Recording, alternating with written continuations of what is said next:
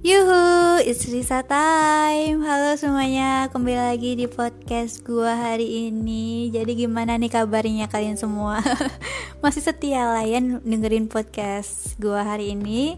Kita ngobrol santai-santai aja lah ya Sekedar ngobrol soal seorang apa ya suara hati seorang penggemar nih kayaknya hari ini. Oke jadi hari ini gue bakalan ngebahas atau cerita atau sharing gimana sih awal mulanya gue jadi dozeni nih? Sebelumnya mungkin kalian juga mungkin ada yang belum tahu ya apa itu dozeni dan apa sih maksud dari dozeni sendiri? Oke okay. gue mau ngasih tahu dulu nih kalau dozeni itu adalah nama solo standnya dari Doyong NCT Yaps, betul sekali everybody. Kalau gue itu seorang fans dari Doyong NCT Ya, tentu NCT 127 Doyong jadi NCT Dream gitu kan? Enggak dong Doyong NCT 127 NCT U. Ya betul sekali.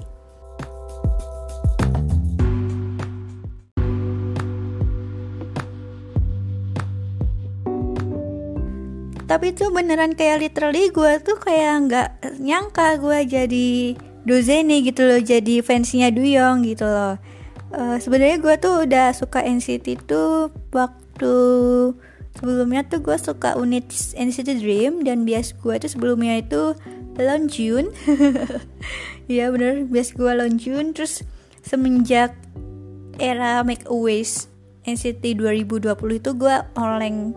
Ya namanya manusia itu wajar lah ya kalau oleng. Jadi gue oleng ke Duyong. Nah betul sekali dan akhirnya gue memutuskan untuk menjadi solo standnya Duyong di era itu. Dan ketika tahun 2020 itu dia buka Instagram ya, pokoknya di bulan gue inget banget itu di bulan tanggal 16 Oktober 2020 dia tuh bikin Instagram guys bener-bener oh my god seorang Duyong itu bikin Instagram dan wah beneran kayak wow seneng banget lagi lah kayak oh my god Duyong bikin Instagram Duyong bikin itu sebelumnya tuh kayak bener-bener uh, akun Instagramnya Duyong tuh nggak bisa di follow karena bener-bener agak apa ya error gitu lah ya karena banyak yang nge-follow Duyong. Terus pokoknya akhirnya gue bisa follow Instagramnya dia.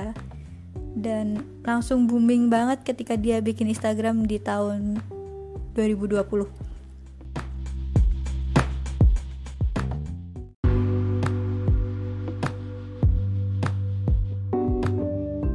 uh, sebenarnya tuh ada banyak hal yang bikin gue tuh sayang banget sama Duyong karena yang pertama tuh mungkin karena dia tuh berhasil ngebuat dia itu lebih berkarir gitu loh. Maksudnya nggak sekedar dia sebagai idol tapi dia tuh lebih improve lagi untuk mencoba hal yang mungkin hal yang baru lah mungkin buat dia.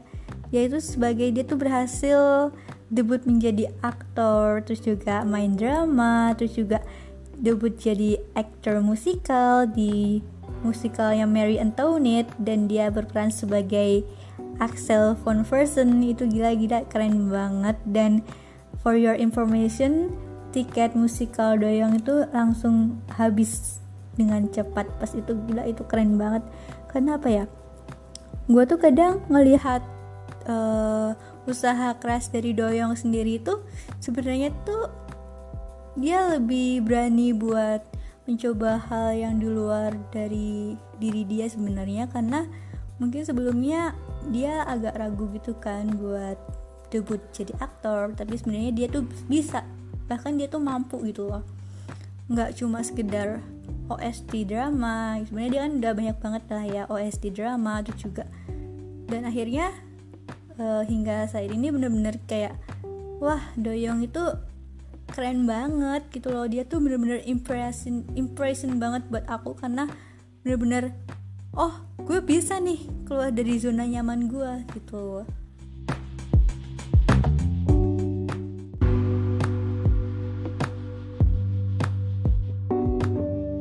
Dan pokoknya pasti semua orang itu punya lah ya seorang artis atau role model gitu. Dan role model gue itu uh, dimenangkan oleh Duyong dan semua orang pasti punya lah ya role model artis favorit atau apa pun itu. Dan bener banget role model gue dari 2020 sampai 2022 itu masih tetap stay di Doyong wow keep applause banget lah ya buat Doyong karena bener-bener gue yang setia atau Doyong yang setia nih? Kayaknya gue yang setia nih. Nggak apa-apa pokoknya gue juga sayang banget sama Doyong karena dia tuh selalu nggak pernah ngecewain fansnya. Terus juga dia tuh juga improve banget. Apa pun itu